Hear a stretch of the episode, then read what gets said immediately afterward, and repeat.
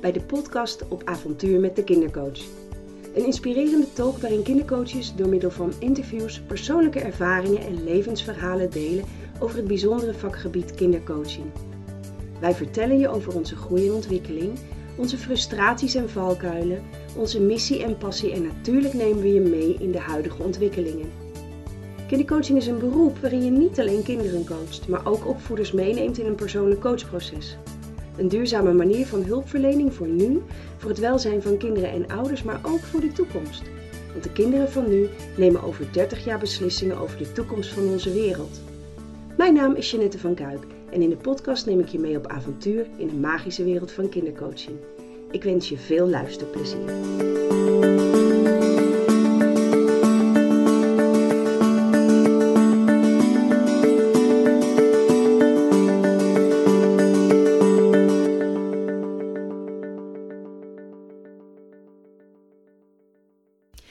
Welkom bij weer een nieuwe podcast. Vandaag ben ik te gast bij Eleonore Fleur in Udem. En Eleonore heeft een praktijk EF Coaching en deze heeft ze al sinds 2009. Leuk Eleonore dat ik hier te gast mag zijn, zo bij jou in jouw ruimte. En ik ben eigenlijk wel heel benieuwd, hoe was jouw leven voordat je überhaupt begon met het vak coaching? Kun je er iets over vertellen? Ja, nou allereerst, ja, dankjewel dat jij hier bent. Superleuk. Het is wel grappig, want mijn hele familie komt uit uh, onderwijsland. Dus ik uh, zei als 17-jarige, we gaan alles doen behalve naar de PABO. Want dat vond ik belachelijk. Uh, dus toen ben ik HEO gaan doen. Heel leuk, commerciële opleiding. Vond ik niks aan. Dan werd ik au pair. Vond ik fantastisch. Ging daarna werken. en riep mijn hele leven lang later, als ik groot ben, ga ik wat met kinderen doen. Totdat ik bij een psycholoog kwam en die zei, goh, dat zeg je nou al tien jaar. Dat lijkt me ook zwaar. Nou, die kwam binnen. En het leuke was dat er toen gelukkig nog niet zoveel keuzes waren uh, qua opleiding. Dus uh, linksom, rechtsom, ik kwam LPL kindercoaching tegen. Daar ben ik in 2008 ben ik, uh, de opleiding gaan doen. En eigenlijk wist ik al heel snel, dit wordt hem. Dus toen ben ik naar mijn baas gereden in België. En toen zei ik, nou, ik heb het licht gezien. En ik ga een eigen praktijk beginnen. En zo geschieden. En in 2009 ben ik voor mezelf begonnen. En uh, uh, je leven was dus, je werkte uh, bij een baas. En uh, ik hoor net die baas, die zat in België.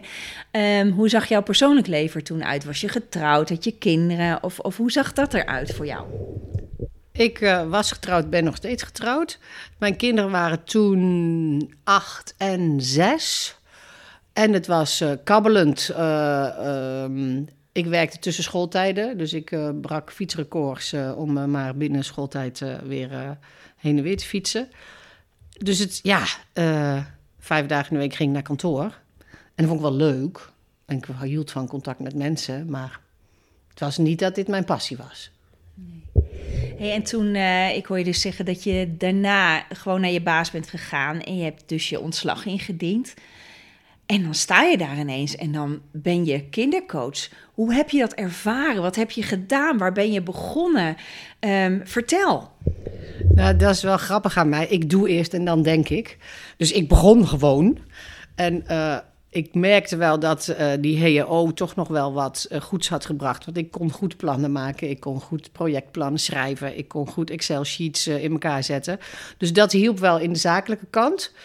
Maar ja, toen moest de eerste klant komen. En dat was doodeng. Um, maar uiteindelijk heb ik gewoon gedaan.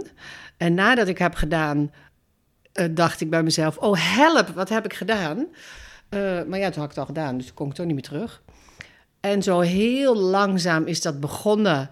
En juist op de coachings waarvan je dacht: Oh mijn god, wat heb ik hier gedaan? Kreeg ik dan heel toevalligerwijs uh, goede feedback van: Nou, het heeft me zo enorm geholpen. Nou, dat was net dat setje in de rug wat ik dan weer nodig had. Um, ja, en het is heel grappig, want ik geloof echt dat als je je passie ontwikkelt, uh, dat alles helpt en alles hielp. Want het ene na het andere diende zich aan en ja, toen ging het gewoon vanzelf. Dus eigenlijk hoor ik je zeggen dat je gewoon intuïtief, ik gooi het woord er maar even in, hebt gedaan wat, en, en daarna pas realiseerde wat er gebeurde. Klopt dat? Ja, ten dele. Wat ik wel in het begin deed als ik dan een, uh, een kind kreeg, ging ik wel van tevoren ging ik al mijn dingetjes opschrijven wat ik mogelijk zou kunnen doen. Dus ik had een heel arsenaal van, nou, dit kan ik doen, dat kan ik doen, dat kan ik doen. Totdat ik na een x aantal keer merkte, is leuk dat ik dat elke keer doe, maar ik doe het uiteindelijk, wat ik heb voorbereid, doe ik nooit. Nou, en toen ik daar genoeg zelfvertrouwen in had, toen kon ik dat laten vallen. En toen kon ik inderdaad vertrouwen op het intuïtieve. Vond ik ook wel spannend. Er waren nogal wat mensen die uh, meenden dat ze het beter wisten na een uh, studie van jaar pedagogiek. Uh, en dan kom je toch in conflict met het intuïtieve weten en de kennis in het hoofd. Daar blufte ik mij dan uit. maar dat is wel een spannend ding geweest. Ja.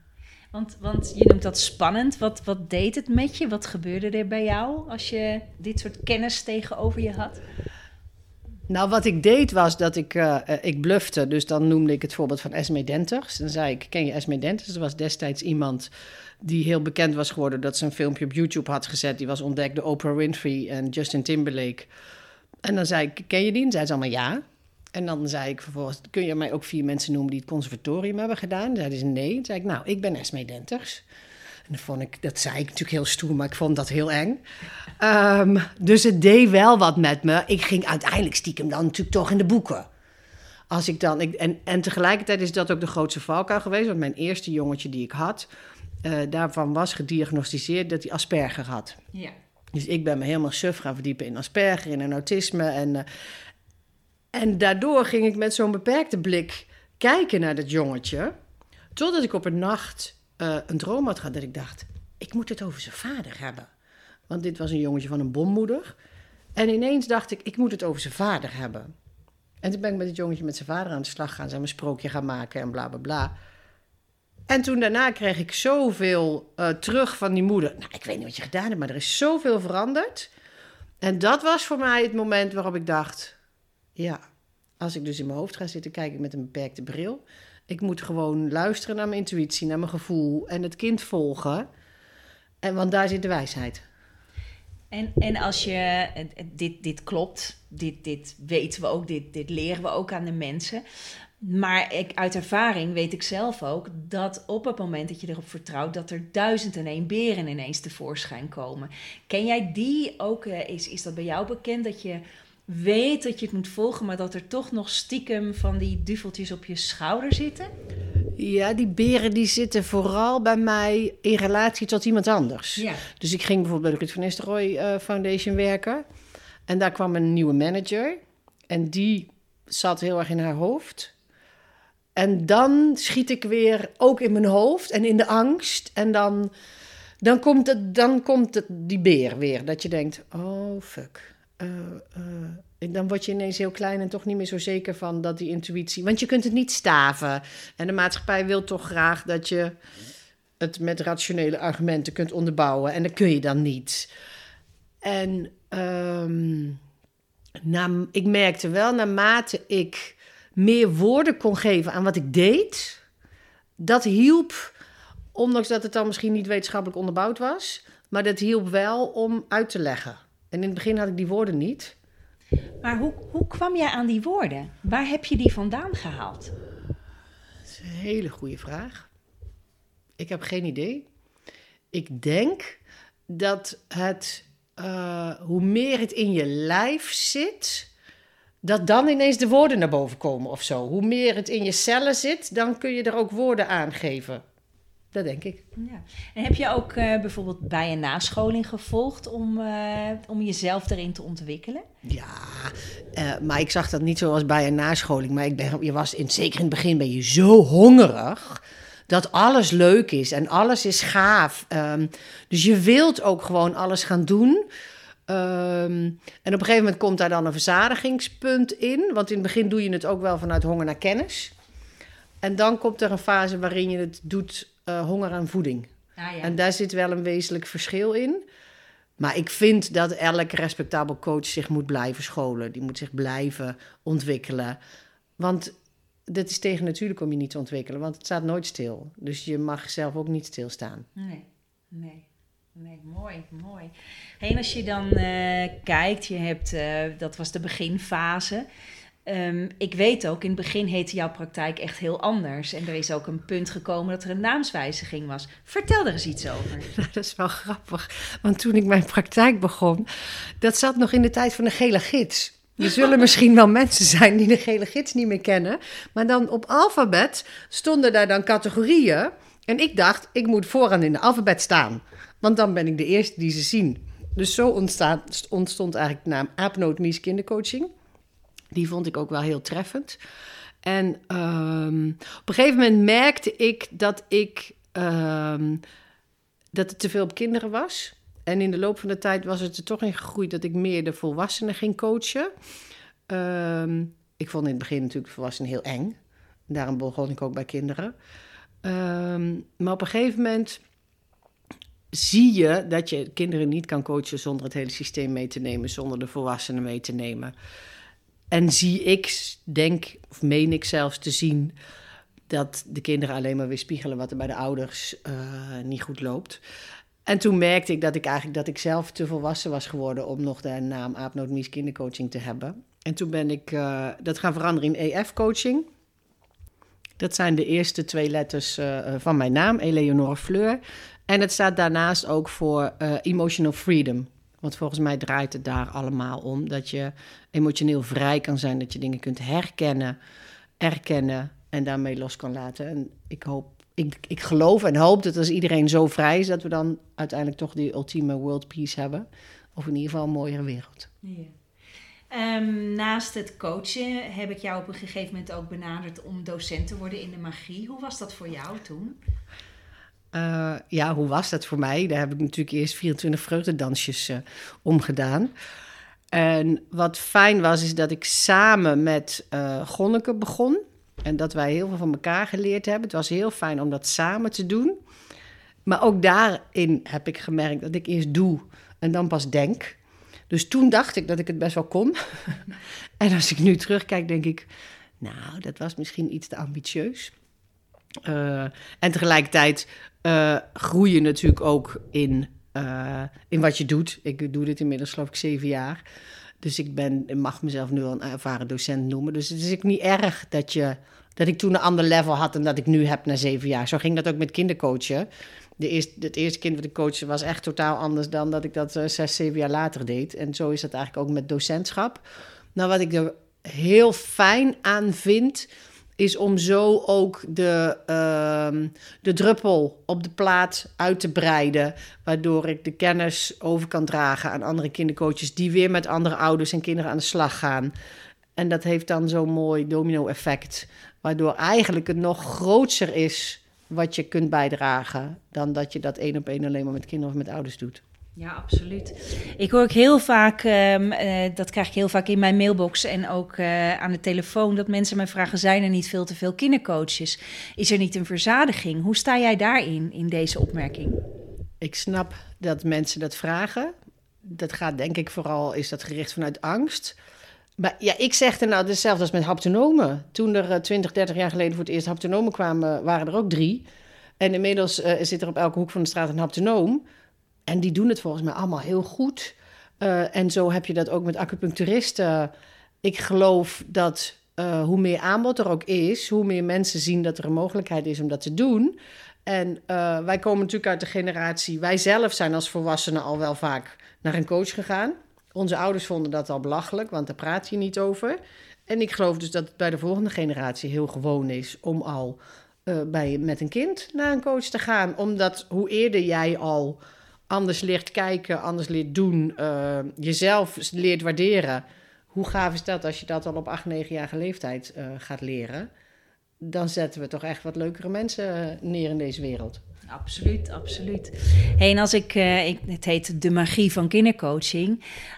wat is voor jou dan de magie van kinder- en opvoederscoaching? Heb je daar mooie woorden voor? Wat is de magie? Ja, dat, dat is lastig zo even 1, 2, 3 uit te leggen.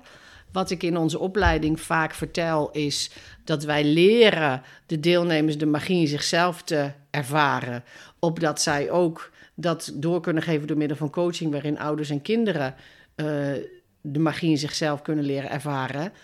En waarmee ze daarmee de magie van het leven kunnen ervaren. maar wat de magie is, is voor mij, denk ik... en dat zijn de dingen die vooral als we het coachiespel in gaan zetten... zo mooi naar voren komen... dat als je achterover kan leunen als coach... en het laat gebeuren... dat er dan ruimte is om de magie te laten ontstaan. En dan zie je dus dat dingen gewoon als vanzelf naar boven komen. En een kaartje komt die echt briljant op die persoon van toepassing is. En die anderen helemaal flabbergasted staan. Huh? En dat iemand dan zo'n aha-moment krijgt. Ja, dat is denk ik de magie. Als iemand dan zo'n aha-moment krijgt en ineens alles in een ander daglicht ziet. Niet dat hij daarmee ook een heel ander leven leidt, maar wel dat er ineens iets geopend is. En dat ze dan zo kijken: oh, oh, oh, zo kan het ook. Ja, daar word ik echt heel blij van. Ja, je begint ook helemaal te stralen. Um, ik, ik voel helemaal met je mee en ik beaam dat ook vanuit mijn eigen ervaringen. Um, als je kijkt naar de toekomst van kindercoaching, Um, laten we eerst beginnen met de toekomst. De toekomst van jouw eigen praktijk, van jouw eigen EF-coaching. Um, hoe zie jij dat? Heb je er al een beeld bij of ben je meer in het nu? Ja, ik ben heel slecht in de toekomst kijken. Uh, dus ik ben erg van het nu. Um, wat in die zin met vallen en opstaan gaat. Want de ene dag heb ik uh, minder vertrouwen in dat het allemaal zo soepel loopt dan de andere dag. En tegelijkertijd uh, is het dan heel fijn dat ik dan tegen mezelf mag zeggen, wat ik ook altijd tegen de deelnemers uh, van de magie zet, dat blijkbaar krijg je in het leven wat je op dat moment nodig hebt. Dus als het dan even wat rustig is, dan kan ik mooi naar binnen treden en kan ik aandacht aan mezelf geven. En kan ik dat aan mezelf geven wat ik op dat moment nodig heb. En dan zie je vanzelf dat daar wel weer een impuls uh, in gaat. En over de toekomst, weet je, tien jaar geleden had ik natuurlijk nooit gedacht dat ik juf zou worden. Want uiteindelijk is dat juf wat ik niet geworden ben van de Pabo, ben ik natuurlijk toch juf geworden, maar dan op een ander uh, vlak. Dus ik had tien jaar geleden ook niet gedacht dat ik nog een cadeautje kreeg in de vorm van een kind. Dus ik, ja, ik, daar geloof ik niet zo in dat ik nu al mijn toekomst moet bepalen. Dus ik laat dat staan en ontvouwen en um, probeer zoveel mogelijk te vertrouwen in dat het universum het beste met mij voor heeft. En dan zie ik wel wat er uh, voor magisch op mijn pad komt. Wauw. Um, nog een laatste vraag, of misschien wel één laatste vraag. Ik weet niet of er nog wat tevoorschijn komt. Maar um, heb jij nog uh, tips voor, voor toekomstige kindercoaches? Wat zou je ze echt mee willen geven vanuit de ervaring die jij hebt? En wat zou je ze willen vertellen of met ze willen delen vanuit de lessen die jij hebt geleerd? De aller, aller, aller, aller, allerbelangrijkste les is durf niet te weten de grootste valkuil die je, en zeker als beginnend uh, kindercoach, die ik heb gemaakt en waarvan ik van velen hoor dat die ze maken, is dat zij denken dat zij het moeten oplossen voor de ander. Want hij betaalt toch zoveel euro om uh, bij mij te komen. Um, maar dan ga je in je hoofd. En dat weten we allemaal. Vroeger wist je ook al, um, als je moeder tegen jou zei dat je iets moest doen, dan dacht je, yeah right, ga ik echt niet doen. Dus als een ander iets tegen jou zegt wat verstandig voor jou is of wat je zou moeten doen, dat komt niet binnen, want dat komt van buitenaf. Jij moet dus als coach de vragen gaan stellen dat die ander ineens het besef krijgt: oh, misschien moet ik het zo en zo gaan doen. Want dan komt het uit die persoon zelf en dan uh, beklijft het veel beter. En hoe harder jij je best gaat doen om allemaal tips en trucs en alles te geven aan die mensen, die horen dan alleen maar: oh, ik doe het dus niet goed zoals ik het nu doe. Dus de kunst van coachen is het niet durven weten, vragen te stellen, zodat het voor de ander helder wordt, uh, zodat het idee vanuit die ander ontstaat. En dat is niet makkelijk, want dan word je enorm geconfronteerd met je eigen onzekerheid. Ja, herkenbaar. Uh, er klopt toch nog echt een vraag op. Ik moet er toch nog echt eentje stellen. Want je vertelt heel mooi over het coachen, over het coachproces. Maar ik weet ook dat uh, 9 van de 10 vragen die bij mij in de mailbox belanden, gaan over het ondernemerschap. Uh, het ondernemen als kindercoach, het zelfstandig. Veel vrouwen zijn er die dat doen, een paar mannen. Um, en ik zie toch nog veel van dat ze zichzelf daar klein in maken, dat ze klein denken, dat ze beginnen klein of ik doe het erbij. Um, wat is jouw visie daarop? Op de ondernemende, met name dan misschien wel vrouwelijke kindercoach, maar ook voor mannen. Um, wat zou je daarin nog uh, aan ons kunnen vertellen?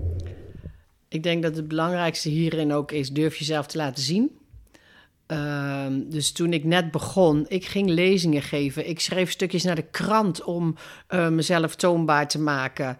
Ehm, ik flyerde, ik hing dingen met de Jumbo op. Ehm, dat moet je eerst doen om, om bekend te worden. En daarna komt het wellicht wel op van mond-to-mond reclame. Maar je moet jezelf wel blijven zien. Dat is hetzelfde als dat je een relatie wil. Ja, er belt niemand bij jou aan de deur om te vragen... is hier nog een leuke mevrouw uh, in de aanbieding? Uh, en ik ben nog een leuke man die iemand zoekt. Dus je moet wel zelf naar buiten komen... En um, ik geloof dat daarin ook het ondernemerschap een weerspiegeling is van hoe jij zelf bent. Durf jij zichtbaar te zijn? Durf jij uh, stappen te zetten? Durf je risico's te nemen? Uh, ja, en ik heb altijd gezegd: het enige wat er kan gebeuren is dat het niet lukt. Maar dan heb ik het in ieder geval geprobeerd. En anders blijf ik mijn hele leven lang blijf ik denken: oh, had ik maar, had ik maar. En uh, ja, wij noemen dat altijd stralend falen. Je kan beter stralend falen dan dat je je hele leven lang spijt hebt van dingen die je niet hebt gedaan. Dus ja, durf. En het is gewoon echt doen. En uiteindelijk is het doen veel minder spannend dan de angst voor het doen. Wauw, dankjewel. Ik, uh, ik ben enorm geïnspireerd. Ik heb heel veel gehoord en uh, ik hoop uh, met mij ook velen die hier luisteren. Dankjewel Eleonore, dank dat ik zo welkom ben hier bij jou aan de keukentafel in Uden. En nou, ik, ik nou, nogmaals, echt, het was fijn om naar je te luisteren en heel inspirerend. Nou, dankjewel. Ik vond het heel leuk dat je er was. En ik merk elke keer weer inderdaad, als ik over mijn vak spreek, dat ik daar zo blij van word en zo gelukkig van word. En dat gun ik iedereen. Dat hij een baan heeft of iets doet waar hij gelukkig van wordt. En daarmee sluiten we deze podcast af. Dankjewel, Elinor. Dit was de podcast weer voor vandaag. Ik hoop dat je er met plezier naar hebt geluisterd en dat je er iets aan hebt gehad. Wanneer je meer wilt weten over mijn werk of de opleidingen, kun je kijken op de website. We hebben er twee. Op www.magievankindercoaching.nl vind je alles over de opleidingen kindercoaching. En op www.acasia-coach-academie.nl vind je nog meer leuke producten. Zoals persoonlijke coaching, kindercoachcoaching, mentoring, natuurcoaching en ouderavonden of lezingen. En mocht je iemand weten die deze podcast misschien ook interessant vindt, attendeer hem of haar er dan op. En volgende week heb ik weer een nieuwe podcast, dus wie weet tot volgende week.